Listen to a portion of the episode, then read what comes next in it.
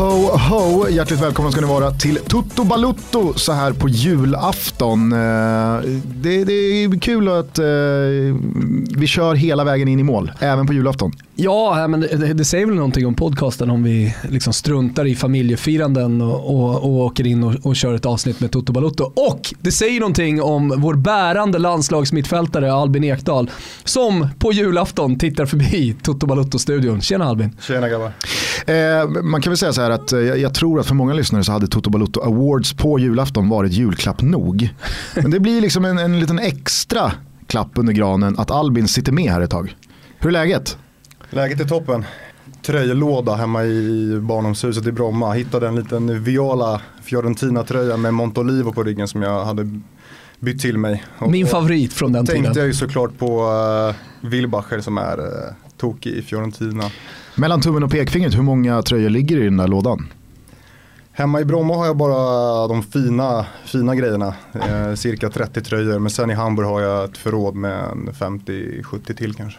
Vi snackade lite om det innan vi slog på eh, mickarna här. Att dels så kanske det beror på Tyskland och Bundesliga men också att du har blivit lite äldre. Det här med att tröjbytet har gått ner i frekvens.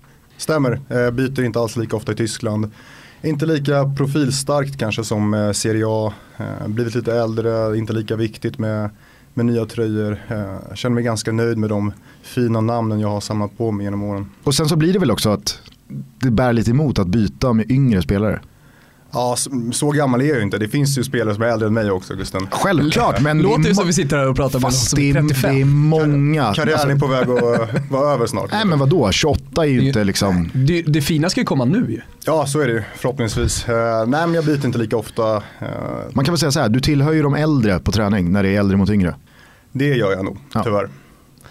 Så att, eh, det, då, då, jag förstår att det blir en sån här aversion Men det att- där har väl också lite med så här erfarenhet 22-åring? och status i grupp och allting att göra också, har det inte det? Ja, men, alltså, jag känner inte samma sug av att byta tröja. Eh, jag har fått så fina namn genom åren, jag känner mig nöjd. Sen såklart dyker upp eh, en möjlighet att få någon från München eller Dortmund, då, då kanske man tar det. Men jag springer inte efter dem som en hund och, och, och ber om den som många i Serie A gjorde. Jag minns när vi mötte Milan på San Siro och eh, Beckham spelade där. I halvlek så var det ju 3-4 i Siena då som jag spelade som tog lubbet alltså efter honom. Då skämdes man lite, även fast jag bara var 19 år då. Ja, vi, vi pratade om det bara för några veckor sedan ju, med han eh, i Al Jazeera som bytte tröja med Casemiro i halvtid av eh, klubblags-VM-matchen. Det finns ju någonting så här, okej Al Jazeera mot Real Madrid, då fattar man ju, det här är en once in a lifetime att kunna byta tröja.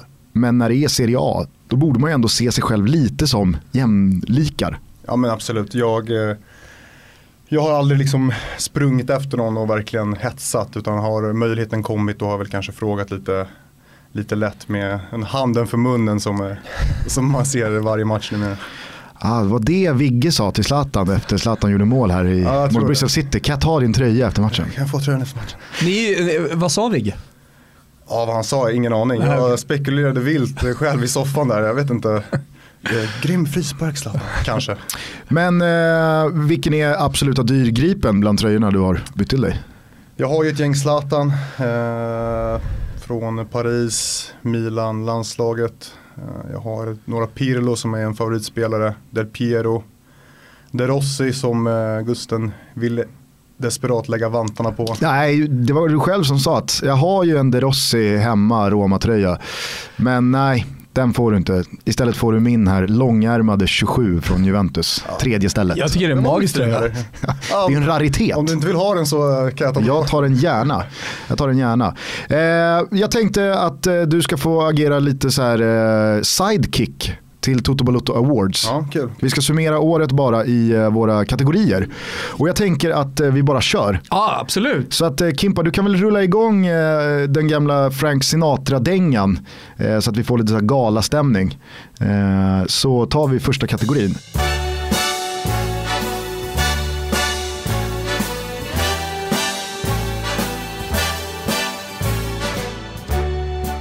Du och jag har kört lite olika kategorier, vi har inte riktigt synkat dem. Utan eh, jag vet inte vad du har förberett, du vet inte vad jag har förberett.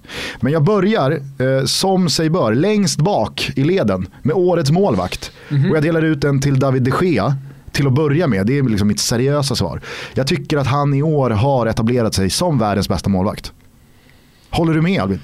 Jag håller med. Ehm, framförallt på senaste så har han varit riktigt grym och ehm, med Neuer som, som skadad så tycker jag de Gea har seglat upp som nummer ett, måste jag hålla med om. Jag skrev en krönika om det för ett par, tre, fyra veckor sedan. Eh, Just den grejen, att, att han verkligen har tagit eh, första positionen där. Mm. Jag Eh, tycker ju å andra sidan, så här, ska man nu jämföra de bästa i världen. Nu, nu, jag, jag har valt Buffon här. Av, oväntat. Ja, exakt. Jag hade honom i fjol också. Men eh, han blev ju faktiskt framröstad, om man nu ska prata om så här, världens bästa målvakt, han blev ju framröstad till Champions Leagues bästa målvakt och var ju starkt bidragande till att Juventus ändå tog sig till finalen i Cardiff. Det som Eh, var ett men- jävla skämt var ju, eh, om det nu var Ballon d'Or eller om det var Fifas det här The Best som eh, delades ut för första gången i år. Så var det ju en shortlist på positionen också. Där var ju inte ens de Gea topp 8. Mm. Det var helt otroligt. Alltså, De, de måste ha glömt honom. Någon sorts kollektiv hjärn eh, Men jag bara en som ska nämnas i alla fall där, det är Oblak. Vad säger du om honom Albin? Han är också grym. Eh, Så komplett, stor och bra på allt. Stor, eh, han är definitivt topp top tre, topp fyra. Mm.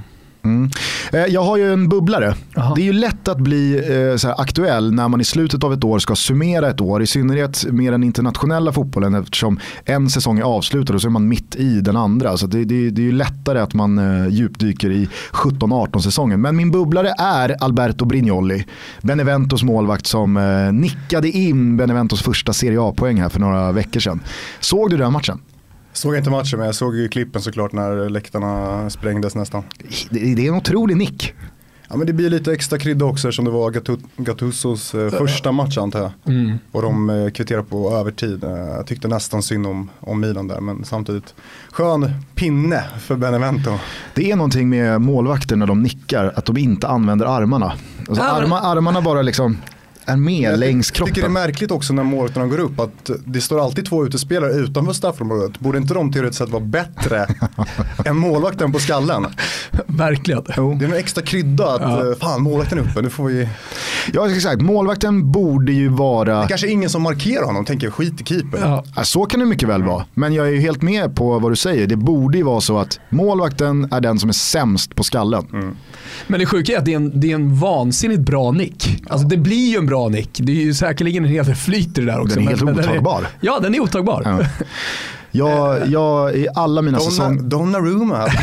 Gianluigi Donnarumma. Eh, alla, mina, årets. alla mina seniorsäsonger, då var jag den som stannade på halva plan på offensiva fasta. Var det ingenting Tråkigaste där? rollen på en fotbollsplan. Stoppa Ändå, li, kontring. ändå lite skön. Veta att liksom, Livrädd om det kommer en kontring där. verkligen. Eh, har du årets målvakt? Den som, liksom, eh, fotbollsspelaren för mig som alltid stannar på mitten, det är ju eh, Donadell. Dottore. Fick aldrig vara med i, inte ens avslut utanför. Eh, ja, årets målvakt är Gigi Buffon, eh, som jag sa. År, eh, det här är ju andra året vi gör Toto Balutta Awards. Han vann i fjol, han vinner även i år. Får se, jag tror att han kommer vinna även 2018. Vem Men- stannar, vem stannar på halva vid offensiva fasta i landslaget? Det känns som en uppgift för typ... Eh, Sebastian Lahl, nej han slog nej, ju. nej, nej. Så, så här, Emil Kraft, eh, om Emil Kraft spelar så är han den som stannar på halva. Det är han definitivt. Eh, vilka Pierre Bengtsson var ju där förut. Ja, det är väl, Pierre eh, om inte Ludde Augustinsson slår så är väl han utanför. Eh, Durma som inte han slår. Eh, de andra backarna är ju starka på huvudet. Lustig, Granen, Vigge, alla de är uppe. Mm. Mm. Eh, jag kör väl någon eh, inne slash utanför för eventuellt skott eller sånt där. Så halv, halvplan har jag klarat mig ifrån. Din karriär började ju med en fantastisk nick. Får du berätta mer? BP. Ja, fin assist efter en minut minns Ja. jag mot Djurgården. Ja. ja, det är väl ungefär det jag har åstadkommit i nickväg i min karriär. Så att, Eh, nej men Buffon för att Eh, den här matchen sen också, Sverige-Italien, så satt jag ju på presskonferenserna och hade möjlighet att ställa en fråga. Eh, och det var italienska journalisterna reagerade efter Italiens presskonferens eh, på Friends. För att alla frågor från de svenska journalisterna gick till Buffon. Ingen fråga gick till Ventura. Och de, de var liksom i ja, mer eller mindre chock. Eller de sa att det här, det här händer inte. Alltså, någon fråga måste, borde ju komma till förbundskaptenen som sitter där. Jag förstår att, någon, att man vill fråga Buffon någonting. Sådär. Men då, då tittar han mig så djupt i ögonen. Han, det, det fanns en sån jävla, ja men du vet, jag svarar på din fråga här och jag, jag tittar i ögonen när jag svarar på den här frågan och alla som pratar om att han är en gentleman och en bra människa framför en fantastisk fotbollsspelare. Han har sagt det själv att det är det viktigaste. Eh, att bli ihågkommen som en, eh, en bra lagkamrat och en bra motspelare. Det visade han ju inte minst i de här två matcherna. Han var ju otroligt stor i förlusten. Mm. Eh, men, men där fick jag i alla fall en liten, liten, liten, känna lite, lite på det. Det här med att han är en fantastisk jo, människa. Men det, han, är, han är en fantastisk människa. Jag som hade haft lyckan att vara ett år med honom i Juventus så minns jag honom som otroligt varm och tog hand om mig trots att vi knappt kunde kommunicera med varandra. Och sen efter matchen på Friends när de hade förlorat så fick jag hans tröja och han kramade om eh, alla spelarna och sådär. Så att, eh, stor människa, stor målvakt och kommer definitivt bli ihågkommen som en av de bästa målvakterna genom tiden. Finns det inget mörker där? Ingen liksom douchebag? Alltså jag känner inte han så bra så jag vet vad han gör eh, på fritiden så att säga. Men alltså kring fotbollsplanen och utanför så tycker jag att han är en gentleman och eh, ett exemplariskt, eh, en exemplariskt professionell fotbollsspelare. Det, det som finns på Buffon i det under hans karriär är ju, är ju det här med att han har stått lite för långt åt höger rent politiskt. Alltså så här, som har blivit en liten snackis. Men Sen har det snackats om att han är djupt inne i speltorskeriet. Mm. Ja, eh, men gillar att spela tror jag mer handlar om. Ja, jag, jag, minns, många. jag minns en summa på 14 miljoner. Från ja, någon uh, rubrik. Ja. Men det gör han kanske inte till en sämre människa för att han har lite nej. spelproblem. Liksom. Nej, kanske inte. Absolut. Eh, inte. Bad du om hans tröja? Eh, det tror jag gjorde efter matchen, absolut. Det tror jag att jag gjorde. Nej men det gjorde jag. Det gjorde jag, det gjorde jag. ja. jag hade ingen uh, av honom så att uh, Vi... nej, sanningen är att jag fick, jag bad om två för att Robin Olsen vill ha honom också så han gav båda. Olsen vågade inte eller? Nej, men han skickade fram mig eh, som tolk och god vän till Buffon. Jag tänkte bara, när vi är inne på den här matchen, kort ta ytterligare en årets. Årets nyhet levererade ju Toto Balotto via Mikael Lustig som berättade att eh, Daniel De Rossi klev på spelarbussen mm. efter matchen och ja, bad om ursäkt. Exakt. Satt du på bussen då? Absolut, vi satt och firade och sjöng och tjoade och kimmade på bussen. Ah. Så dyker han upp där i bussen och... Eh, han kliver bara in så? Han kliver bara in när alla sitter där och väntar på att åka. Och blir tyst typ eller? Ja, men han höjer rösten lite och säger liksom typ eh, Scusa ragazzi, eh, typ sorry for my, my game eh, och sen typ lycka till och sen typ vinka liksom. Ja. Och alla klart blir lite paffa och hinner knappt svara innan han har gått ut igen men liksom skriker thank you very much. Ja. Så det var ett ögonblick där alla blev chockade och väldigt liksom överraskade av hans ja, ödmjuka stil ändå. Ja, det var snyggt gjort. Ja. ja, verkligen. Sen är det ju kanske asterisk efter årets nyhet. Ja.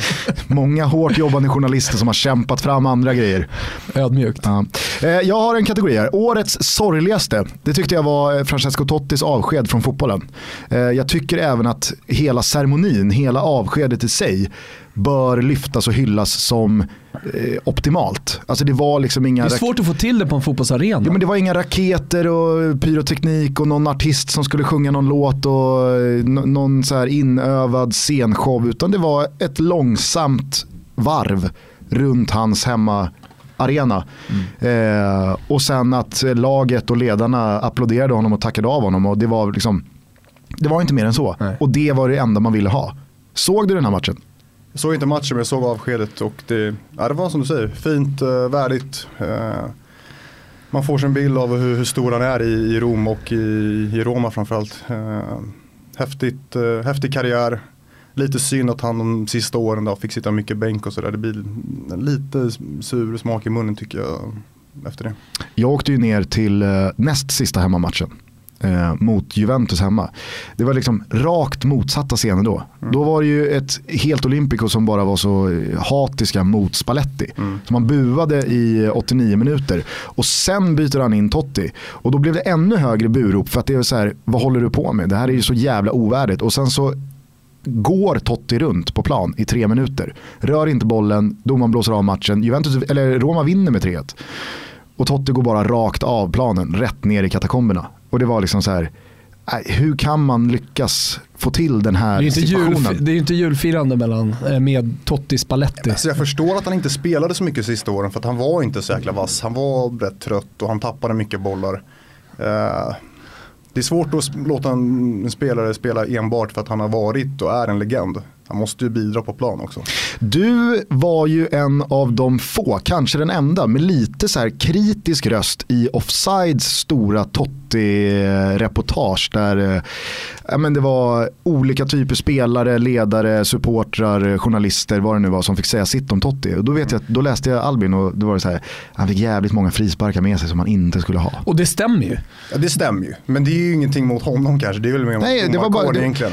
det var uppfriskande att du nyanserade bilden från andra hållet. Ja, men jag som spelade ändå sju år i Serie A har ju mött de här, alla de här legenderna. Del Piero, Buffon, eh, Nedved och Inzaghi och grabbarna. Och Montolivo. Den, ja, Montolivo om man så vill. Eh, och den som jag tyckte var minst trevlig om man ska säga. Inte för att de behöver vara trevliga men det var ändå Totti. Han hade en aura kring sig som var arrogant vilket han är känd för att ha.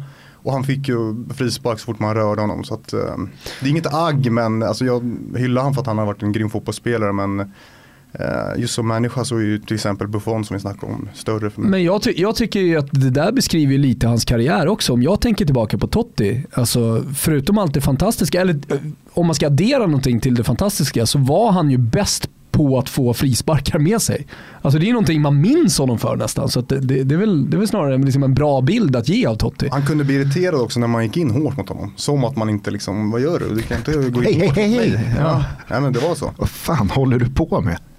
Ja, nej, speciellt. Jag, jag har faktiskt vunnit mot honom, mot Roma mycket. Kaljar hade ju lätt. Oh, jävlar vilket flow ni hade. 4-2 på Olympico vann vi. Eh, vann även 4-2 hemma tror jag. När jag lyckades pytsa dit den också. Helt ärligt, hur många, liksom, alltså, hur nära var det med Roma för dig? Eh, helt ärligt så fanns det ett, eh, ett förslag på, på, bordet. Men det innefattade lite... mm, För det var väl i samband med Raja Nainggolan? Ja, det var lite omständigheter som jag inte gillade och som jag än idag känner att jag gjorde rätt där. Att inte välja det. Men, eh, ja. Men det var konkret?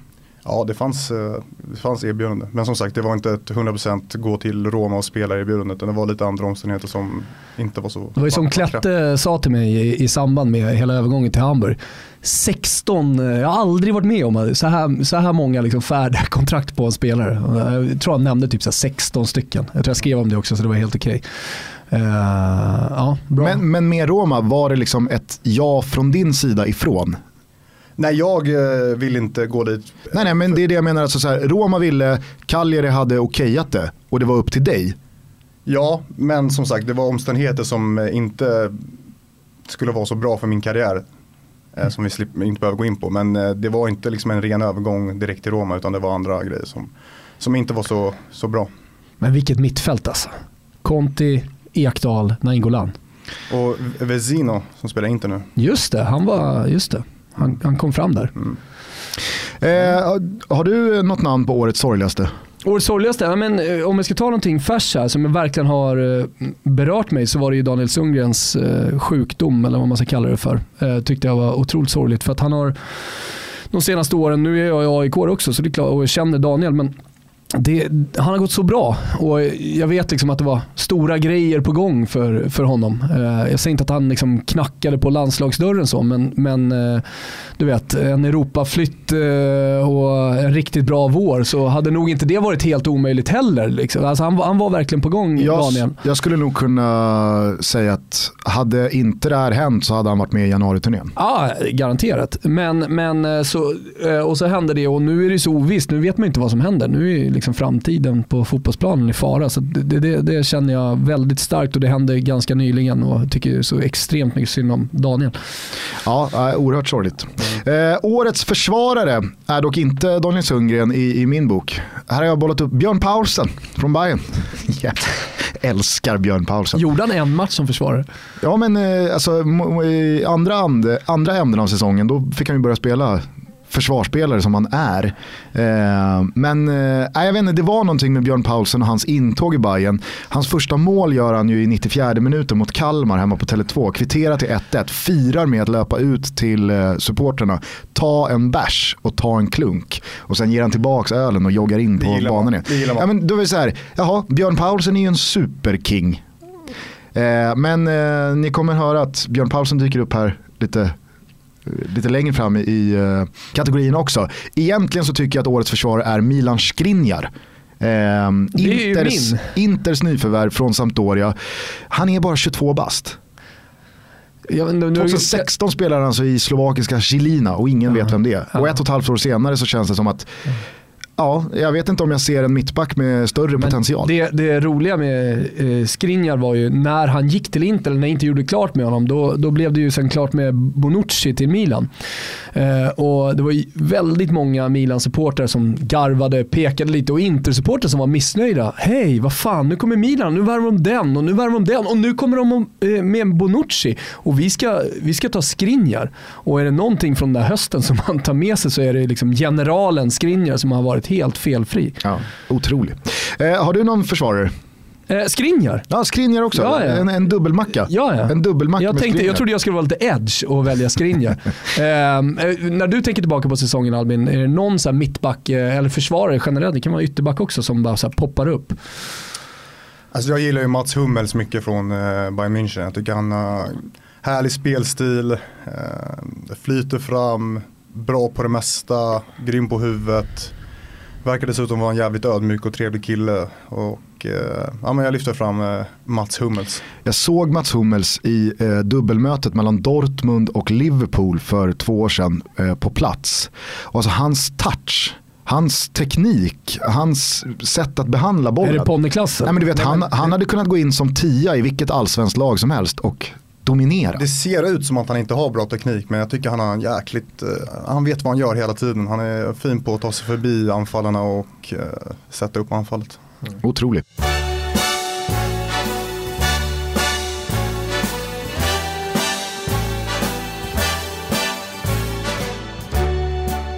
Hörrni, jag har kommit fram till kategorin årets roligaste och där har jag skrivit avancemanget för Sverige till VM och då passar det väl superbra att Albin Ekdal är här.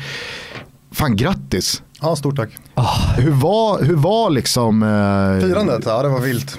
Firandet, känslorna, stunden, matchen. Jag var um, på San Siro. Det måste varit hemskt att inte ja, spela. Jag var så nervös. Jag satt ju på någon slags hedersläktare där på San Siro omringad av italienare som uh, ja, var som de, som de är. Griniga och gnäller på domaren och var fan cool och till höger och vänster om de svenska spelarna. Hörde inte ens nationalsången.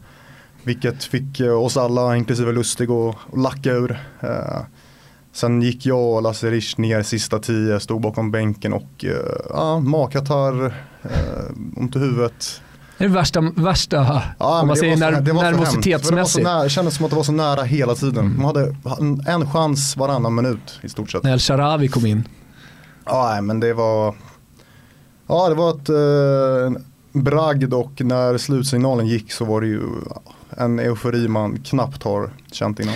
Men nu när liksom, eh, kvalet är till ända och det slutade med ett eh, VM-avancemang kommer liksom känslorna i kappen eller har det varit så som både du och alla ni andra ändå har lyckats kommunicera på ett jävla bra sätt? Att nej men, vi tar en match i taget och vi tror på varandra och det, det får bli vad det blir. Eller släppte det efteråt att vad fan har vi lyckats åstadkomma här?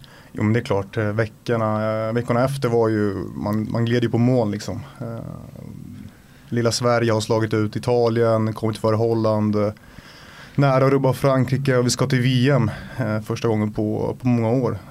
Så att, måste, ju, måste också liksom vara ett perspektiv av att så här, jag spelar ett VM, om du, när du ska blicka tillbaka på din karriär och så blir det ytterligare ett VM. Ja, alltså VM är ju det största man kan spela i stort sett som, som fotbollsspelare och det är någonting man har drömt om. Någonting man har känt att fan det kan bli jäkligt svårt och nu är vi äntligen där och eh, ja, nu har man ju liksom glömt lite den här Italien-matchen. Nu blickar man framåt och tänker fan nu ska vi försöka rubba Tyskland och, och slå Sydkorea och Mexiko. Hur var kvällen? Hur var firandet? Det var en perfekt kväll. Vi kom tillbaka till hotellet, käkade lite oxfilé, bea, pommes. Så jävla Sverige. Ja, men det har vi alltid efter, efter vinst. Eh, Sen satt vi kvar där och bara njöt och kom ner i varv lite. Sen var vi väl en 13-14 grabbar som drog ut i nattlivet och eh, festade och firade vidare. På Just Cavalli. Stämmer bra det. Och ni vet var Cavalli kommer ifrån va? Nej. Florens. Bara f- fick in en lite Florens-koppling där. Ja, snyggt. Snyggt. Eh, hästar va? vad sa du? Det betyder hästar. Mm, Ja, det ja. gör det också.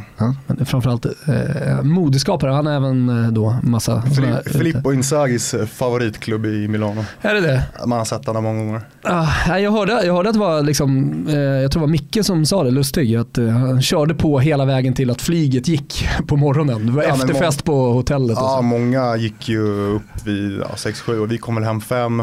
Gick vi in i matsalen, då satt ju granen och gubbarna och drack rödvin och Ja. Var rejält i, i gasen så att säga. Hur, eh, hur högt håller du det här? Hur rankar? Hur ser du på? Nej men det är nog Det bland, bland det största jag varit med om. Eh, känslomässigt så är det nog det häftigaste i min fotbollskarriär. Eh, Slå ut Italien på, på deras hemmaplan. Se Buffon och grabbarna liksom gråta av plan. Eh, nej men grymt häftigt och eh, så jäkla kul att man har nästan hela Sverige som, som supportrar. Liksom. Man känner vilken kärlek man får där och eh, det är viktigt också att man känner att de är lika liksom hypade som vi är. Det är, det är för dem vi, vi, vi kämpar och sliter på planen. För det är ju det är ju så, jag menar, i Italien pratar man om eh, då alla fotbollssupportrar, det är religion och alltihopa. Nu, nu har Ventura som var ansvarig för det här, han har tagit ifrån hela Italien ett mästerskap. Han har skapat landssorg på grund av en en massa fel, alltså man pratar inte om Sverige där. Men alltså, perspektivet som ni har, det är att ni har alltså gett ett helt land eh, ett, ett VM. Alltså Ja, kan man ta in det liksom? Ja men lite, man får ju mycket kärlek eh, via sociala medier så ser man ju hur alla supportrar är otroligt lyckliga. Liksom. Eh, sommaren 2018 kommer bli en fotbollsfest förhoppningsvis för, för svensk del.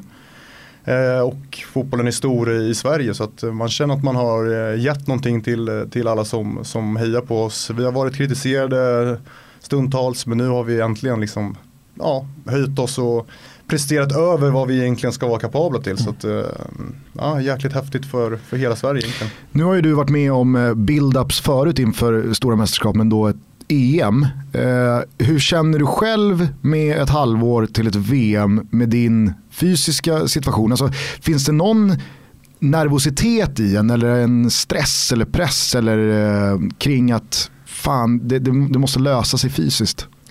Det är klart, eh, min skadehistorik är ju rätt fet så att säga. Så att eh, jag känner ju att jag absolut inte vill missa ett, ett VM så att eh, måste vara extra noga med kroppen och eh, ja, jag ska inte missa det helt enkelt. Så att, eh, det är ingenting jag är rädd för men det är klart eh, det finns en, en, en oro som gnager i bakhuvudet. Du har ju eh, faktiskt eh, motbevisat alla fysiska lagar tidigare inför VM 16 och den skadan du ådrog dig då på grund av otur. Jag ska bara säga det, jag eh, lyssnade på, jag vet inte om det var på Nyhetsmorgon eller någonting, eh, pratade om någon som hade tappat blod eh, och vad som händer med muskelmassa. Eh, och de pratade om, jag tror att det var en blodförgiftning i det fallet, men när man tappar blod, de sa att det var ungefär samma sak. Du, hur, hur många liter blod var det du tappade? Det var extremt mycket Ja, va? jag tappade en liter. Ja, och, och för att komma tillbaka där så tappar man muskelmassa, en, ett kilo per dag. Mm. Eh, och, Jag låg ju sex, sex dagar i sängen på sjukhuset. alltså, alltså, rent fysiskt så, så kanske var din... Jag, var, Ja, jag var ett vrak helt enkelt. Ja. Ett vrak. Eh, tappade allt liksom. Eh, livsglädje, muskler, eh, ork. eh, Hopp. Hopp, ja men det var vä- värsta veckan i mitt liv måste jag ändå säga. Och eh, jag är väl ganska stolt över mig själv att jag tre veckor efter eh, började träna och eh, gick in och stångades mot Zlatan på träningen. Han sa det att han, eh, han skulle testa mig om jag var, om jag var fit för, för att hänga med till Och det gjorde han? Ja det gjorde han och sen så fick jag, fick jag klartecken av, av Zlatan. ja, och bäst på plan där också, eh, vill jag minnas, sista matchen. Ja, kanske. Eh, jag tänker att vi ska eh, städa av då så att vi inte eh, missar det medan du är här. Årets mål. Jag vet inte om du har något alternativ eller en bubblare. Jag tycker att årets mål är Ola Toivonens 2-1 i 93 minuten mot Frankrike på Friends. Eh, absolut inte i, i, i, några adjektiv kring snyggast eller...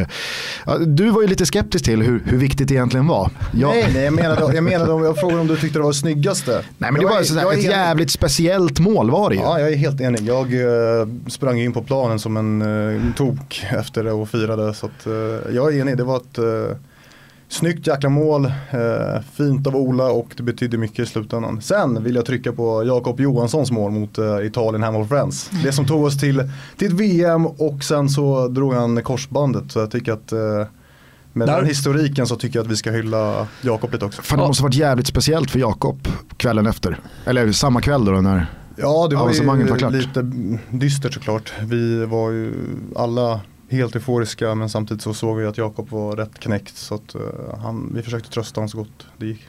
Han får fan komma med som någon maskot om han inte kommer tillbaka. Ja, det tycker På ett absolut. eller annat sätt. Alltså Majstorovic uh, fick ju följa med till uh, Ukraina, mm. EM 12, när han var uh, korsbandsskadad. Just för att han hade varit med i hela kvalet och sen så åker han på en korsbandsskada så fick han följa med, inte som någon slags maskot men typ så här av goodwill. En i staben. Ja, men det känns ju som att Jakob följer med. Det är Jannes gubbe. Jag hoppas det. Hoppas det. Ja. Eh, nej men tillbaka till det där målet. För att jag tycker ju absolut inte sådana mål är snygga. Alltså, men det är ju snyggt. Det är svårt. Det är svårt och det är tekniskt jävligt skickligt utfört. Du måste snappa upp Men jag tycker inte att det är estetiskt snyggt. Men det finns en skärm också när man ser, eh, när man följer hela bollbanan, det är tomt mål, eh, vi på bänken liksom, vi reser sig upp, kan det hända, blir det mål och sen bara pang in på planen. Exakt, och just att det är från 1-1 till 2-1. Och det är sista en... sekunden. Ja, Men vet du vad det är? Det där är så klassiskt, där sekunderna, tiden står still när bollen flyger i luften. Dra dramaturgiskt väldigt fint. Ja.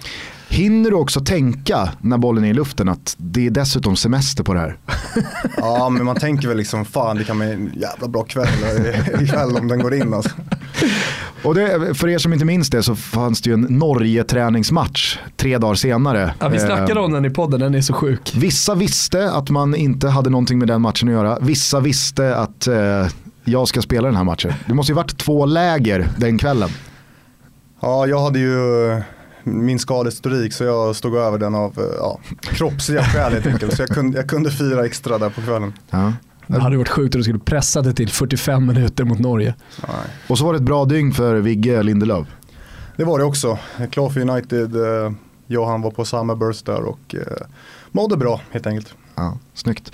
Hade du någon bubblare Nej, jag, jag tänkte mål? på Brignoli, alltså, han borde få ett till årets mål. Ja, Brignoli, ja, han, är, han är en... Uh... Nej, men jag, alltså, jag, jag var också inne på, när, när jag satt med årets mål på Jakob Johanssons, alltså dels betydelse, tyngd, det är, är viktigare än, än Toivonens, höll jag på att säga. Men, men eh, det tog oss till VM i de där två matcherna. Och, uh... Fast det gjorde ju å andra sidan Olas jo, mål också. Jo, whatever, whatever. Men, men på något sätt liksom i ett playoff, uh, mm, det är direkt avgörande matcher. Här var fortfarande en gruppsituation. Jag jublade ju mer åt eh, Jakob Johanssons mål och sen det som hände Jakob som också kan klassas in i någon så topp eh, fem årets sorgligaste om vi, om vi går tillbaka och liksom blickar med svensk, svenska ögon så är det absolut där med, med hans skada på San Siro. Mm. Fan, jag kom på en annan grej. Sen är det så bisarrt att det är Gustav Svensson som kommer in. Eh, alltså med all respekt till Gustav Svensson. Eh, som, som eh, liksom har, har, gjort det bra och liksom lyckats att komma ut eh, i, eller i Europa, men alltså gå ut och bli proffs och tjäna pengar och alltihopa och dessutom då få komma in på San Siro. Vem hade sagt det för två år sedan? Ja. Hans största bedrift match. kanske ändå är att han lyckades hålla fyllecellen med Ragge hemlig i så många år ja. tills Raneg säljer ut honom i podden. Men en, en sak med den matchen, jag tänkte, för där åkte ju du på en, en liten skada också. Första matchen? Ja. Mm. En, en liten lårskada ja. eh, som jag, tre veckor var jag borta. Mm. Men den, den, känns bra. Mm. Ja, man såg besvikelsen när du, när du gick ut, alltså ja, uppifrån pressläktaren. Uppgiven, inte nu igen. Jag tyckte jag spelade bra tills jag blev skadad. Eh, ja, så var, men nu är det skitsamma, nu gick det ja. till VM. Ja. Jag kom bara på en, eh, en bubblare, eller vad man ska säga, ett alternativ till årets sorgligaste. Det var ju när man fick dödsbeskedet eh, om Sheikh TOT jävlar vad det träffade mig i magen. Alltså TOT, spelarna som, många spelare som har bara segnat ihop och gått bort.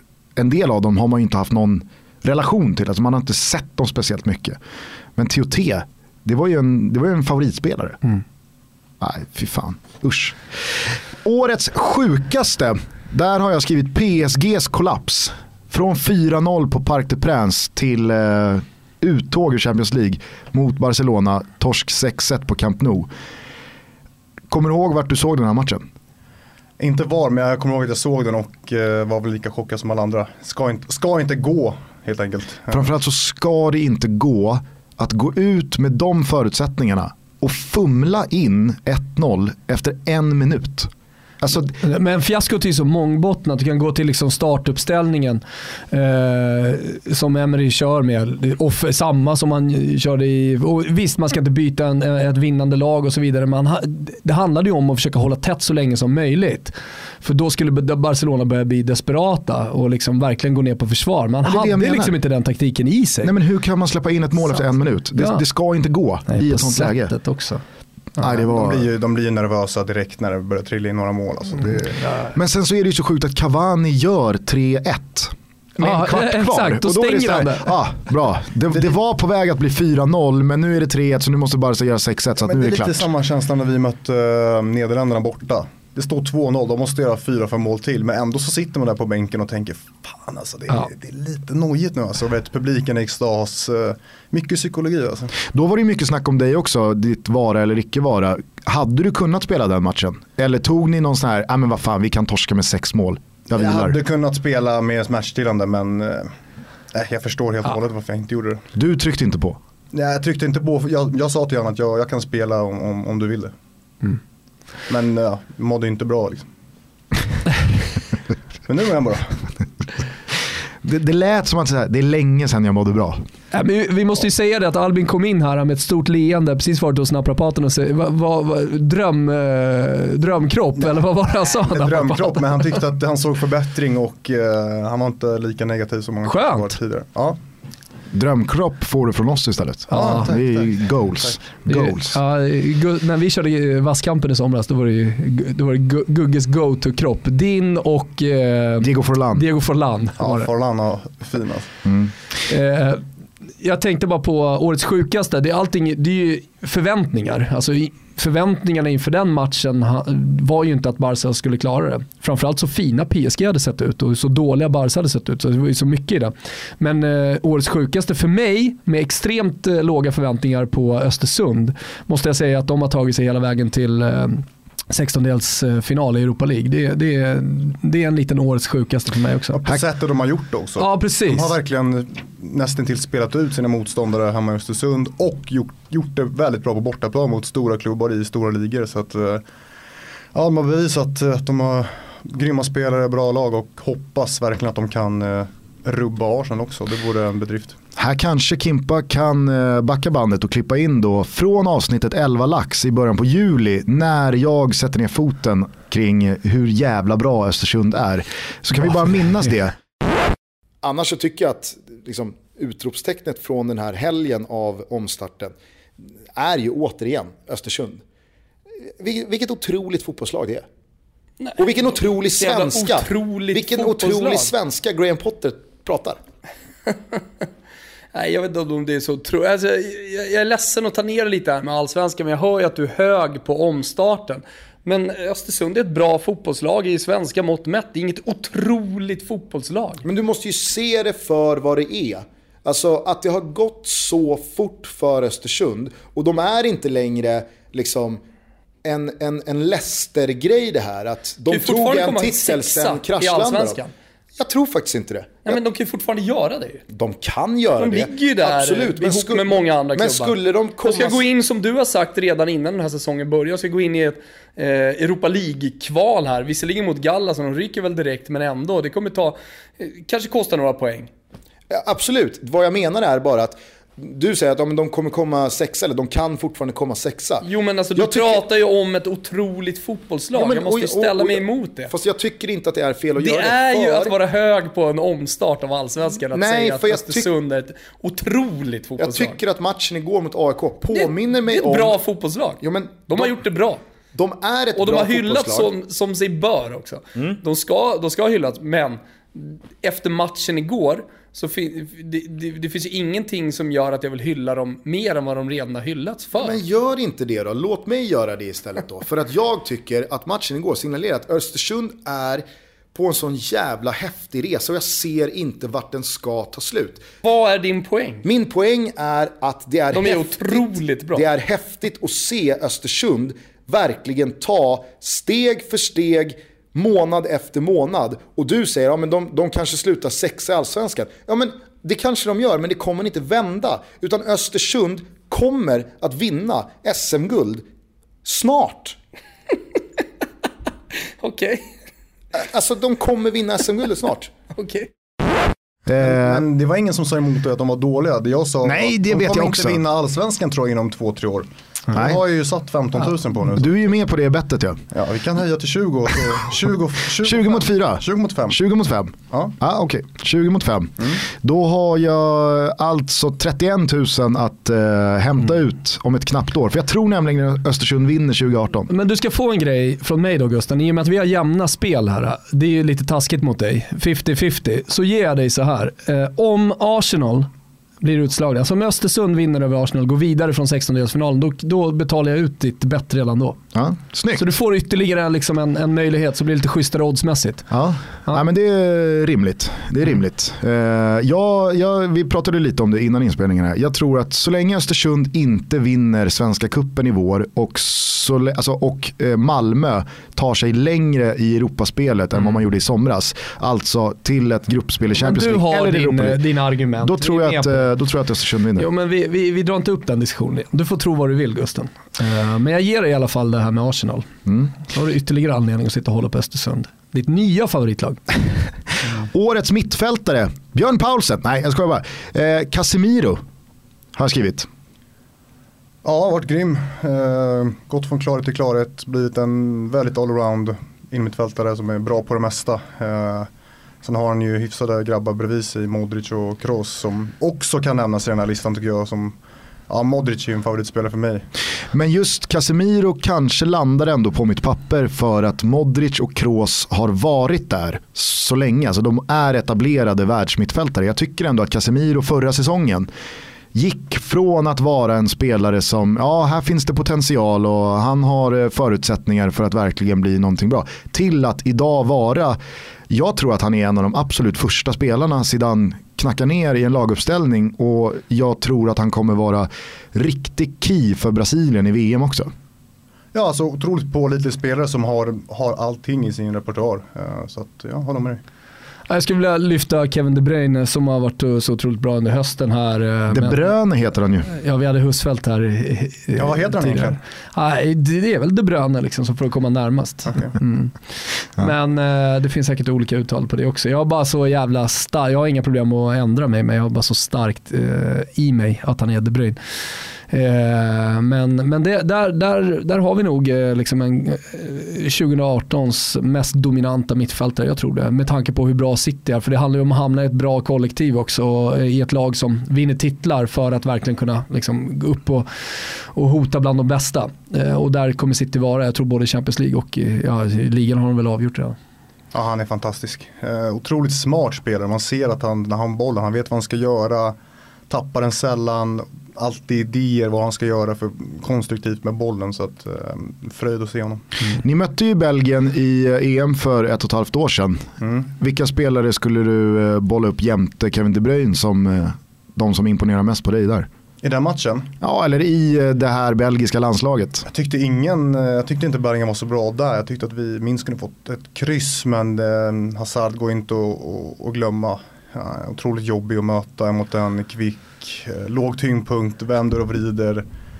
Eh, så han är inte skitrolig att möta och sen eh, Lukaku är inte, inte den lättaste att flytta på. Så att de tre där framme var ju ständigt bekymmer för oss. Jag vet att eh, det säkert finns hur många sidor som helst av myntet varför han inte är med i landslaget längre. Men eh, hur högt håller du din gamla lagkompis Nangolan? Eh, otroligt högt faktiskt. Eh, han är en, speciell spelare. Han är otroligt stark trots att han aldrig har varit i ett gym. Kan springa hur mycket som helst trots att han stundtals röker. Så att han är... Stundtals. Ja, måste... Han är, ju varit, fång, han är också en av de som har fångats på film. Och, Ja, det är ingen hemlighet. Nej. Men eh, han saknar väl någonting för att bli den här ex, ex, alltså, topp, topp mittfältaren. Men eh, bra, bra spelare som eh, har gjort det väldigt bra i Roma. Har ni kontakt?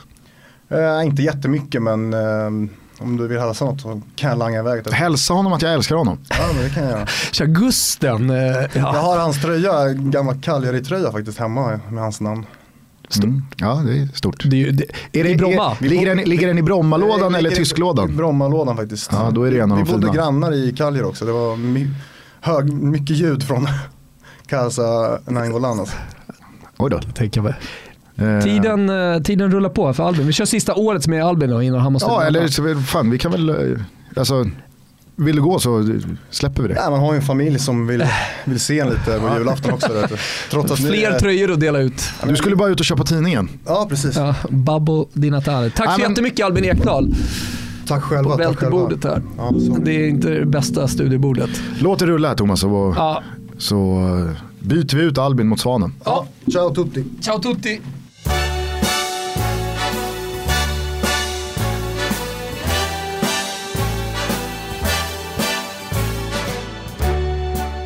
Det känns ju härligt att sitta här på julafton och vara sponsrade av eh, Betsson. De är med oss i vått och torrt. Precis, det är som en julklapp i sig Mm. att vara sponsrad av Betsson. Eh, ni vet ju såklart att eh, vare sig eh, Betsson eller den engelska fotbollen inte går i ide bara för att det är jul och nyår. Boxing Day kommer ju här nu om eh, två dagar, den 26 december. Annandags eh, bandy är det i Sverige, det är annandags fotboll i eh, England och det är fullmatade scheman. Det är fullmatade scheman. Jag tycker att vi ska komma ut med en Toto-trippel också. En liten specialare. En liten specialare för Boxing Day. Gå in på Betsson.com, signa upp er, skaffa ett konto på Betsson om ni inte redan har det. Det är verkligen läge här nu och eh, rygga Toto-trippen finns under boostade odds, godbitar boostade odds och där hittar ni Toto-trippen. Så får det bli. Tack till Betsson, gott nytt år. Vi älskar er.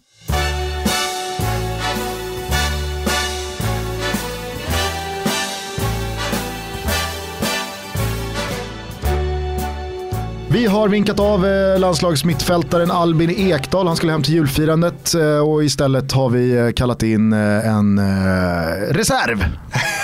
Nej, det är fan en förstärkning skulle jag säga. Kristoffer Svanemar är med i studion. God Ja. jul. Detsamma till er. Tack, Känns tack. lite halvknepigt att byta av Albin, men ja. Kör. Ja, Vilka har, du, Starta med kreativiteten och sen in med en halvfet snubbe och deffa liksom. vilka har du bytt tröja med genom åren? Det är noll. Har du bytt med Niklas Jihde? Tänker på din arm... Eh, Nej, jag har fått en soffa. Men inte mer än så alltså. Fick du den eller fick du liksom köpa den? Nej, alltså jag fick den. Okej. Jag fick... har du kvar den? Nej, fy fan. Nej. Vad var det för soffa? En sorglig soffa. eh, Tvåsits. Ja, max alltså. Ruskig tvåsits soffa-aura på Niklas Ide. Ja, jag, jag skulle ju säga att han är en enorm soffa. Öskan, eh, Öskan Melker Michel stor. Ja, nu kanske när det är villa i Vallentuna. Då var det ju tvåsits. Ja, ja, du vet i alla fall vad Toto Balutto Awards är. Ja. Vi Du kör, är eh, sidekick. vi kör lite årets eh, kategorier spontant. Du får reagera som du vill. Jag har kommit fram till den ganska luddiga kategorin Årets dansk. Och då har jag bollat upp här. Anders Christiansen, Åge Hareide, Christian Eriksen eller varför inte Celta Vigos Pionesisto?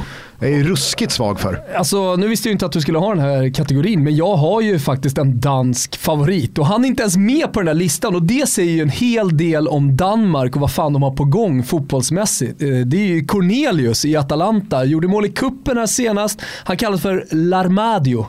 Eh, Larmadio Danese, den tyska liksom, bokhyllan. Inte danska då? Eh, danska menar jag. Danmark, Tyskland, vad fan det är samma Smält sak. ihop. Smält ihop, ja, exakt. Nej men, eh, Ja, men de har ju hur många jag som älskar den helst. jäveln. Alltså, de har ju Kasper Dolberg, eh, Christensen i Chelsea går ju starkt. Eh, De ser ju sjukt spännande ut, Danmark. ja. Till Men skillnad från Norge. du som följer allsvenskan eh, jävligt nära. Eh, Anders Christiansen måste vi väl ändå enas om var årets bästa spelare i allsvenskan. Utan tvekan skulle jag säga. Men sen så har det nog snackats mer om eh, Mikkelsen om man ska ta vem det har pratat, surrats mest om.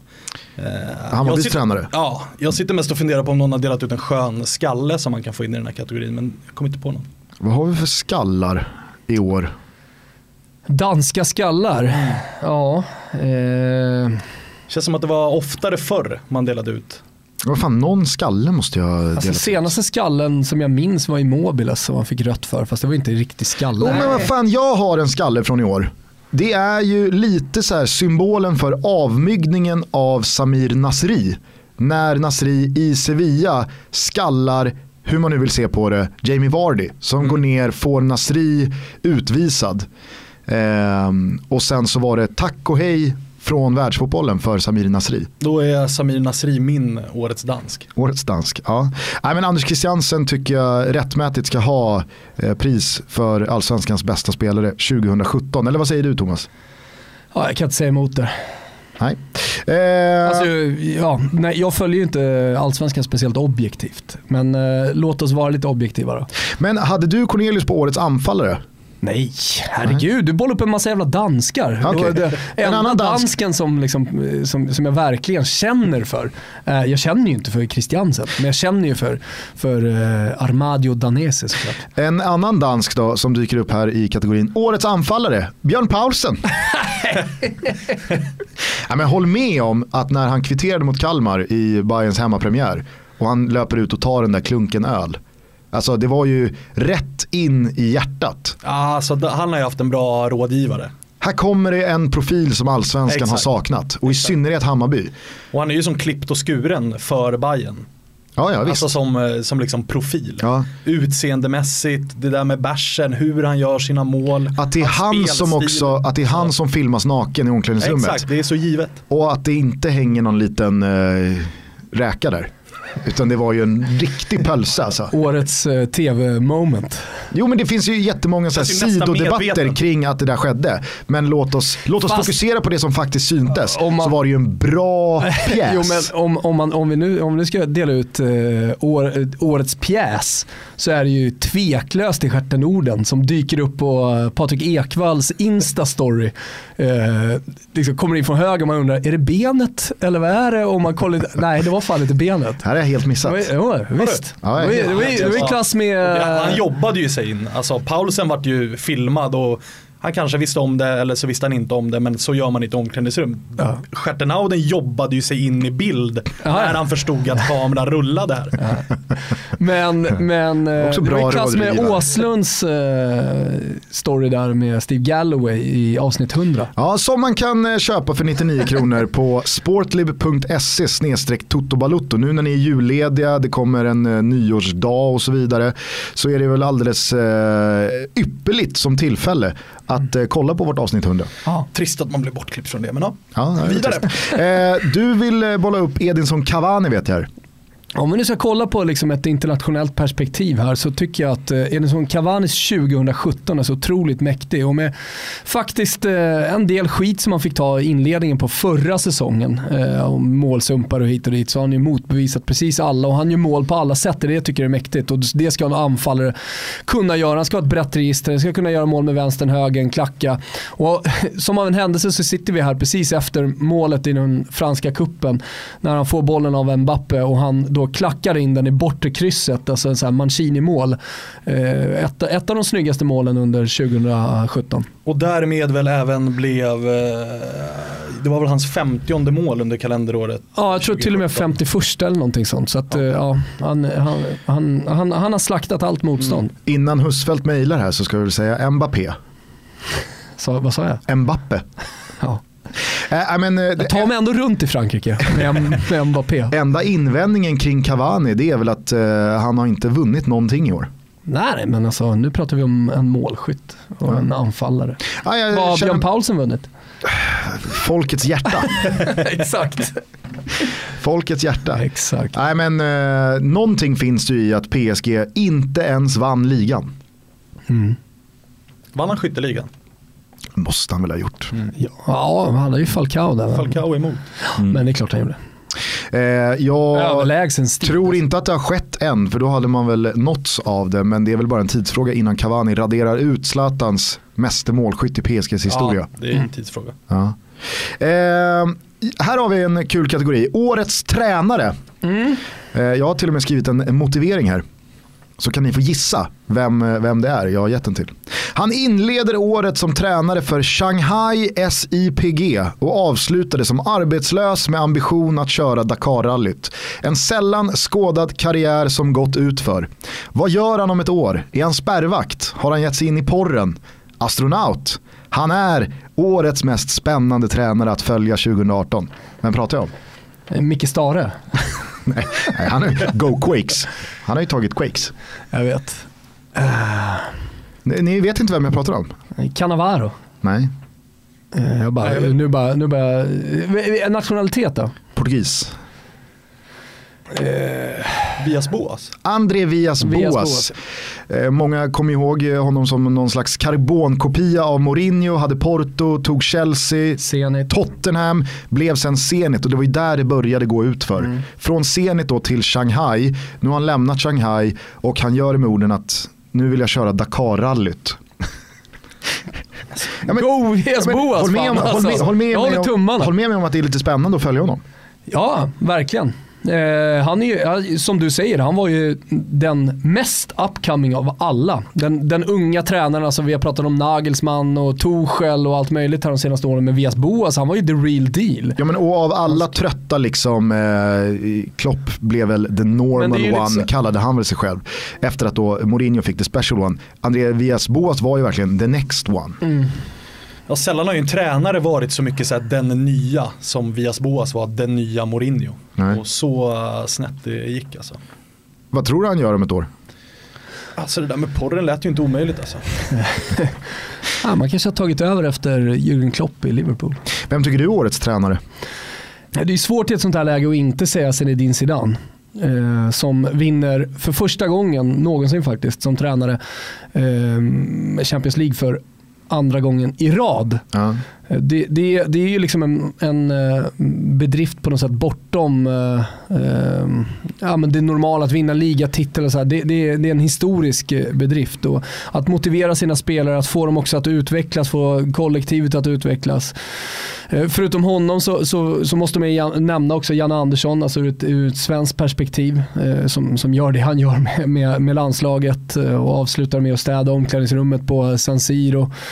Och på tal om att vara the normal one så är han ju special och normal och han var även next eh, när, han kom till, eh, till landslaget. Så att eh, han, ja, Janne Andersson måste i alla fall nämnas. I det svenska perspektivet då tycker jag också att Graham Potter givetvis Absolut. ska ha med den här eh, Det blir kategorin lite så här göra. röda trådar i det här awards-avsnittet. Jo men du Det- och Albin, nu hann vi ju prata lite om Östersund och där var det nästan som att jag eh, liksom hängde ut drulen att jag är, inte så ovän, alltså jag är inte så förvånad eller chockad över att Östersund har gjort det de har gjort. Det är väl klart att jag också inte för mitt vildaste liv kunde tro att de skulle ta sig igenom ett Europa League-gruppspel och nu ska möta Arsenal och det på riktigt känns som att, nu vet jag att Svanemar har gett eh, Östersund 0% att slå ut Arsenal. Det håller jag inte med om, men eh, inte ens jag som är en Östersundsvurmare trodde ju på det här. Men i form av liksom, årets tränare så Graham Potter, hans betydelse går ju inte att underskatta. Nej såklart. Nej, det säger jag inte emot heller.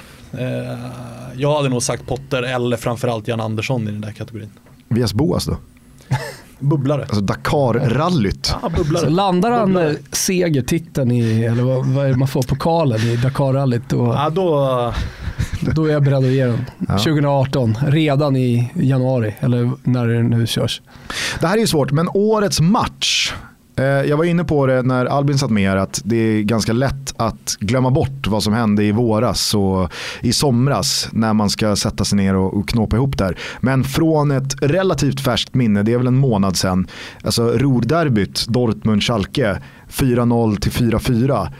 Det var ju en helt otrolig match alltså. ja, den var sjuk. Den var riktigt sjuk. Eh, jag minns också i och med att jag var på plats, det eh, El Clasico på Santiago Bernabéu där Messi avgjorde på tilläggstid och körde den här visa upp tröjan som sen har gått runt. Det var också en helt sjuk match. Vad har du varit på plats på? Champions League-finalen? Ja, det var inte årets match på något sätt, eh, även om det var liksom en mäktig upplevelse för mig.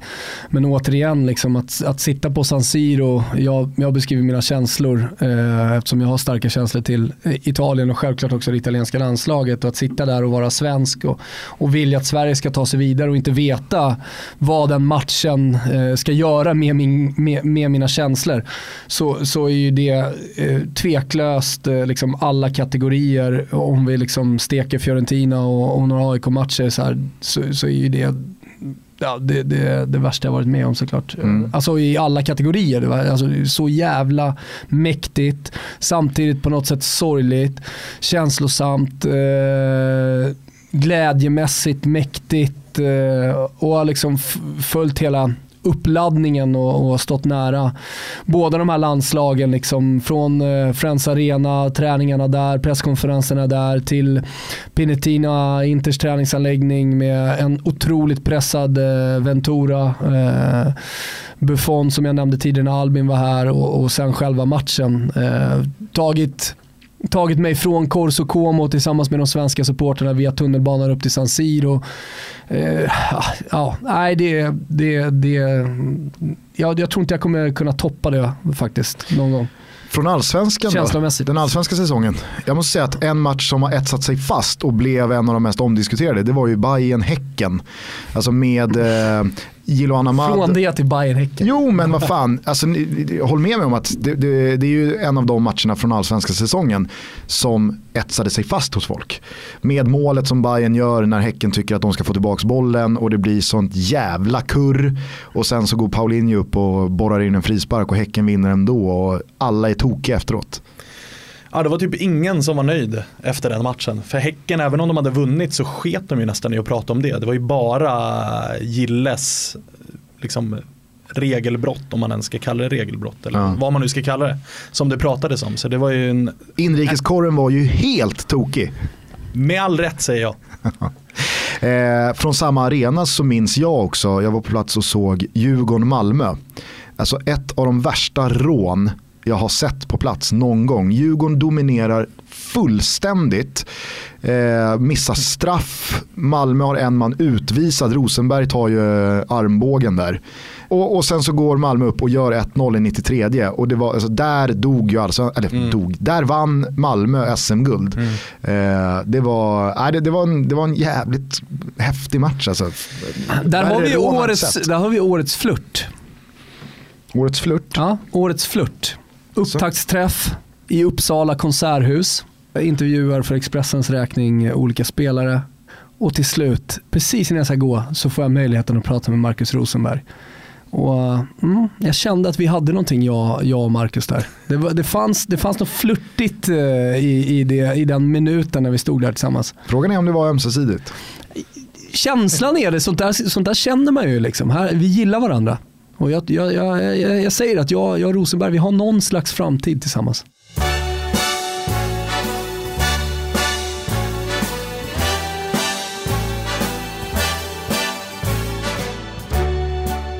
Ska vi ta kategorin Årets TV-expert? Absolut. Här måste jag säga Martin Åslund. Fan vad bra han har blivit. Nu låter det här väldigt så här, ja, jäv i målet och vi dunkar varandra i ryggen. Eh, jag jobbar ju med Martin varje vecka i eh, fan-tv-produktion. Är det precis vad det är också? Vadå? Det du beskrev det som.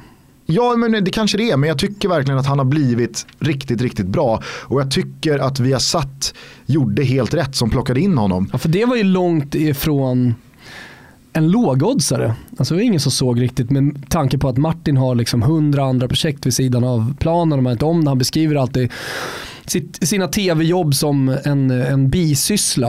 Eh, det kändes som att så här, när han var klar på TV4, när de inte förlängde, som att han kanske skulle fejda ut lite från, mm. från expertrollen. Men jag tycker verkligen att Martin med hans sätt att se på fotboll, både från egna erfarenheter och han kan på ett pedagogiskt sätt förklara spelet och detaljer i det. Även ha så bra koll på det ekonomiska eh, liksom spelet som är världsfotbollen idag. Jag tycker han har höjt ribban för vad man kan kräva av en expert i en tv-studio. Han höjde ju Viasat-studion, det gjorde Det är lite det som också gör att jag också skriver under på det. För att kravet tidigare har nästan bara varit gammal spelare, gammal tränare, analysera det som händer på planen. Martin kan också ge bilden varför det sker, om det är på grund av ekonomiska skäl och dessutom så tycker jag också att han har breddat det här i att i alla fall ha örat mot marken gällande liksom det som händer på stan. Mm. Hur snacket går. Kanske lite supportrar också även ifall han kan Mm. höja det ytterligare. Att- Annars är det väl bara Bojan där i alla fall som jag tycker är på liksom hyfsat samma nivå. Ja, och jag måste säga att i just Viasat-studion, alltså inte bara har Martin höjt nivån utan han höjer ju då nivån på Ola Wenström. Exakt. Alltså han tvingar ju upp Ola på nästa nivå. Jävlar vad han bemästrade Wenström. Ja, ja, alltså, Klass. Alltså, ja. Han har aldrig sagt fel i hela sitt liv. Mr Perfect. Eh, jag har skrivit så här, årets håll käften eh, Östersund. Men det har vi lite varit inne på Ja, med, med, med Albin där. Eh, vi gick upp i bett. Nu är det 5 mot 20 lax. Så att, eh, ja. Och Gusten har anledning att hålla på Östersund mot Arsenal. Jag har sagt att jag betalar ut eh, hans eh, vinstsumma 11 lax om det är så att Arsenal eh, går på pumpen i Östersund. Ja men det gör de inte. 15 minus.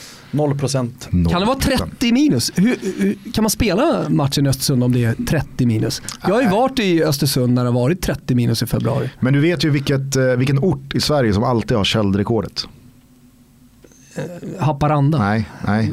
Ganska nära Haparanda. Ja. Nikkaluokta. Nikkaluokta är det såklart, Alltid Keb. Nikkaluokta. Ja. Det är Men- dit man tar helikoptern. Nej, alltså så här, någon, någon nedre gräns finns det ju såklart temperaturmässigt från Uefa-håll. Ja. Alltså, det, är inte, det är inte för första gången en Uefa-turnering har hamnat på de här eh, breddgraderna. Eh, det kan ju vara riktigt jävla smällkallt i Ryssland eh, också. Så att, eh, jag, jag skulle säga fem, 15 kanske är någon gräns, 10. Ja, då säger jag 12. att matchen lever farligt. Ja. Ja, jag, jag vet inte. Det kanske bara är eh, bra för Östersund om den blir senare. I och med att Arsenal är i säsong. St- ja, precis. Stöka till lite. Ja. Eh, har du några mer kategorier? Annars har jag bara Ja. en kvar. Ja, jag, jag har en då. Mm. Eh, och återigen då, lite röd tråd och så vidare. Men vi har ju pratat om lejondöd och för de som har kommit in i Toto Balotto lite senare och inte lyssnat på alla avsnitt så tog vi upp det här eh, med eh, lejondöden. Eh, känner du till den Svanemar? Vad det handlar om? När, när ett lejon, eller för all del en älg, eh, ett vilt djur känner att nu är jag så pass skadad så jag kommer inte överleva det här. Då går de ju bara rätt ut på savannen och så lägger de sig någonstans för att dö. Alltså inte bara av eh, fysiska åkommor utan framförallt så är det väl att flocken stöter ut dem. Ja, det, det också. Absolut, så kan det vara. Det, det finns olika anledningar. Man kan ha varit skadeskjuten, eller, eller skadeskjuten, ja, skadeskjuten, skadad och eh, blivit utstött då från flocken. Ja, men nu finns det en ung ny eh, liksom, eh, Hanne. Han är inte en speciellt ung, i stan. Men, det, men, men här kan vi verkligen prata om lejondöd. Den här snubben, han kan bara gå rätt ut på savannen, lägga sig. För han kommer aldrig mer komma tillbaka. Vet du vad han kan göra? Han kan gå rätt ut på savannen och se André Vias Boas bränna förbi.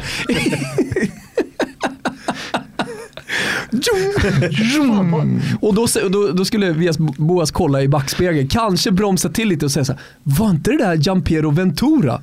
eh, för det är ju självklart han jag pratar om. Aldrig sett eh, en, eh, aldrig varit med om att en tränare varit så hatad som eh, Giampiero Ventura. Han är så hatad, han kan aldrig mer, mer eller mindre alltså, komma tillbaka till Italien och visa sig bland folk. Nej, och frågan är om han ens sitter inne på meriterna för att göra Asien-exiten. Men han är dessutom så pass gammal så att jag menar, det, det, det är över. Ja. Det är över för Ventura. Där, där pratar vi verkligen lejondöd. Det är bara rätt ut. Kanske ska han bli överkörd av Vias Boas där på savannen. Jag hörde också, eller jag såg att han var typ i Tanzania eller Zanzibar eller någonting sånt där. Och typ njöt av livet vilket har fått då italienarna att bli ännu mer arga. Så jag satt med någon drink i havet och hade typ så här två tjänare bredvid sig. En vidrig bild var det verkligen. Eh, eh alltså, annars har ju Italien väldigt starka band till Kenya ja. Alltså det är otroligt mycket italienska resorts eh, i Kenya. Men, men Östafrika generellt sett så, så är det ju många som, alltså i och med att de har varit där mycket i Italien. Mm. Men det är stor skillnad där på Tanzania och Kenya eh, för att Tanzania är ett muslimskt land Ja. och Kenya är kristet. Ja. Och eh, alltså, i Kenya, längs östkusten, alltså det var ju Italians only Ja. på väldigt många ställen. Ja, många somalier också som pratar italienska. Ja, jag vet att jag försökte snika mig in på en, eh, ett, ett sånt ställe med bara buonasera.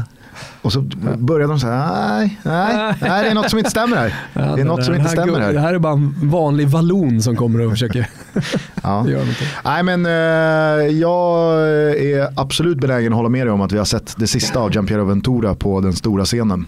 Eh, frågan är om vi eh, om ett år sitter där och har sett det sista av Arsene Wenger.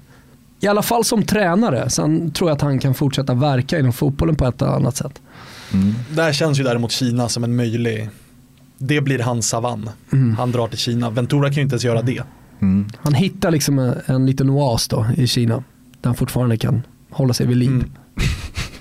Det är kul att han kan gå ut på savannen och se André Villas-Boas bränna förbi. Eh, min sista kategori, årets nyårslöfte. Det blir såklart signerat eh, Mikkelsen och Jesper Jansson och hela Hammarby som redan i juli började kommunicera att 2018. Det är då vi ska vara som bäst. Att det är två tredjedelar kvar den här allsvenska säsongen, det är inte så viktigt. Att vi har värvat in spelare här och byggt om laget totalt, det är inte så viktigt. Visst, nu har vi sex raka förluster och vi förlorar gång efter annan här. Vi tappar 2-0 till torsk mot Sirius eller åker ner till Malmö och får den i rökan. Det är inte viktigt. Det är 2018. Det är då vi ska vara som bäst.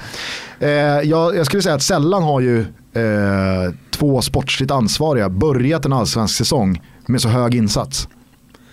Nej och sällan har jag sett liksom en hel uppenbarligen ganska stor supporterskara bara köpa läget. Det var, verkade liksom inte vara, det kom någon banderoll där mot slutet att så här, jag kommer inte ihåg vad det stod men där det var lite krav men i övrigt så var det väldigt Alla ställde in sig tidigt på 2018. Ja exakt och det tyckte jag var märkligt för att det spenderades pengar. Nu har Jesper Jansson gått ut och sagt att Aido-pengarna de är redan slut, de har vi redan bränt och hösten såg ju liksom sämre ut än våren. Så att, Nej, det, är, alltså, det ska bli intressant att se vad som händer ifall man står på en poäng efter tre matcher. Då kommer det nog bli svettigt där. Vi kanske också ska lägga till till Mikkelsen och Jansson, eh, Muamer Tankovic. Han har ju lovat att alla ska gå ner på knä och kyssa hans fötter. Folk som har börjat eh, Ja, höja lite skeptiska fingrar kring att är verkligen Tankovic eh, en, en bra allsvensk anfallare? Men han har då sagt, jag lovar, folk kommer gå ner på knä och kyssa mina fötter när jag är klar här. Eh, jag om, tror han kommer eh, lyckas, tack. Påminner ju om Venturas, jag lovar att vi går till VM. Så att vi Ja, ja men exakt. får se. I, ruskigt. I ett så vidskepligt land, Ja, säger herregud. Men annars är det en ruskigt intressant allsvensk säsong som väntar. Ja.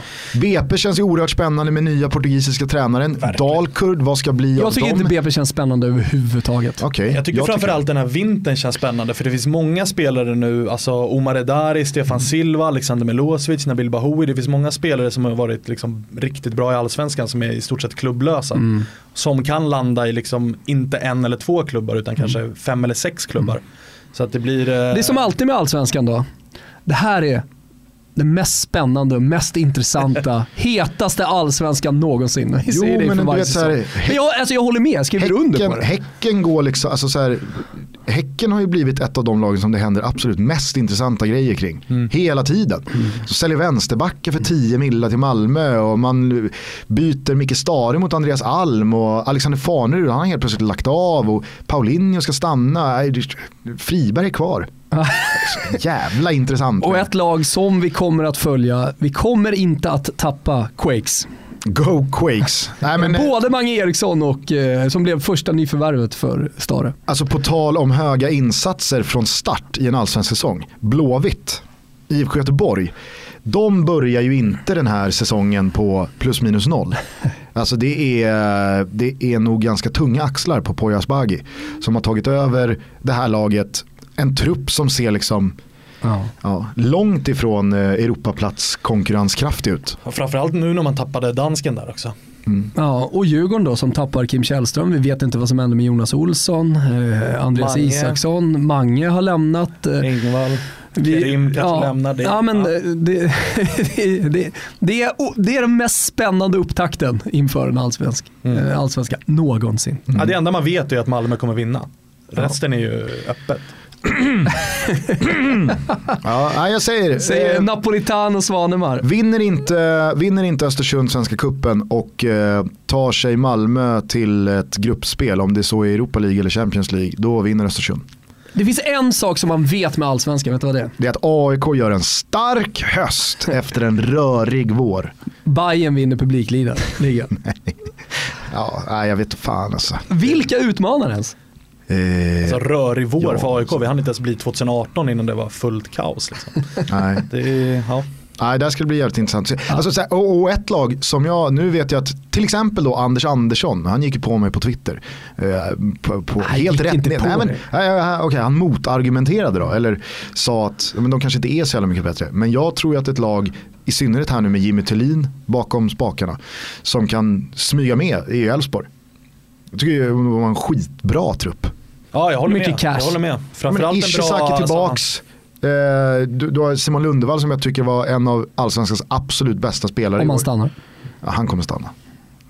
Garr. Ja och Alltså, sparkapital allt hänger på i den här Victor Jesper Karlsson också som har, liksom, visade ju vad han kunde i Falkenberg men som in- var skadad. Alex kan Dyer. Växla upp. Alex Dyer, absolut. Nej, det, det- Och så har de ju Perra Frick. Världens bästa fotbollsspelare. Hörni, eh, nu tycker jag vi säger god jul. God jul! Eh, härligt att ni var med oss eh, på julafton, eller när ni nu lyssnar på det här. Vi älskar att göra den här podcasten. Vi kommer ta ännu starkare grepp om den och allting runt Toto Balotto under 2018. Det är VM-år, vi har redan nämnt allsvenskan, vi är Toto Balotto, vi är överallt. Vi kommer inte missa någonting, inte ens Quakes alltså. Nu rullar Kim Wirsén igång världens bästa jullåt genom tiderna, Pogues Fairytale of New York. Och sen så säger vi på återhörande på onsdag den 27 december. Då ska vi snacka Boxing Day och engelsk härlig julfotboll. Eh, god jul och gott nytt år på dig Svanemar. Detsamma till er. Ciao tutti! Ciao tutti. It was Christmas Eve, babe, in the drunk tank. An old man said to me, Won't see another one. And then he sang a song, the rare old mountain tune.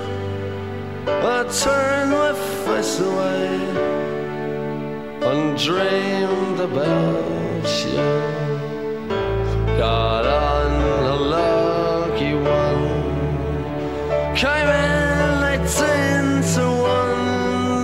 I've got a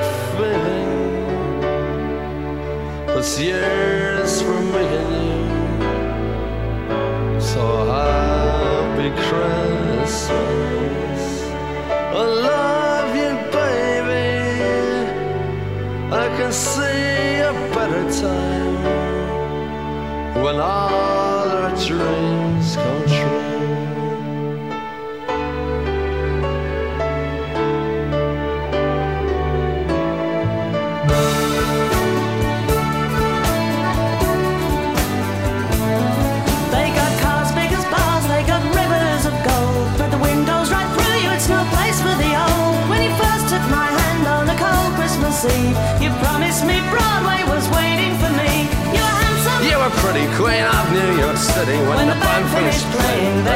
out for more. Sinatra was swinging, all the drunks they were singing. We kissed on the corner, then danced through the night. The boys of the NYPD choir were singing, Go away, babe. And the bells are ringing out for Christmas Day.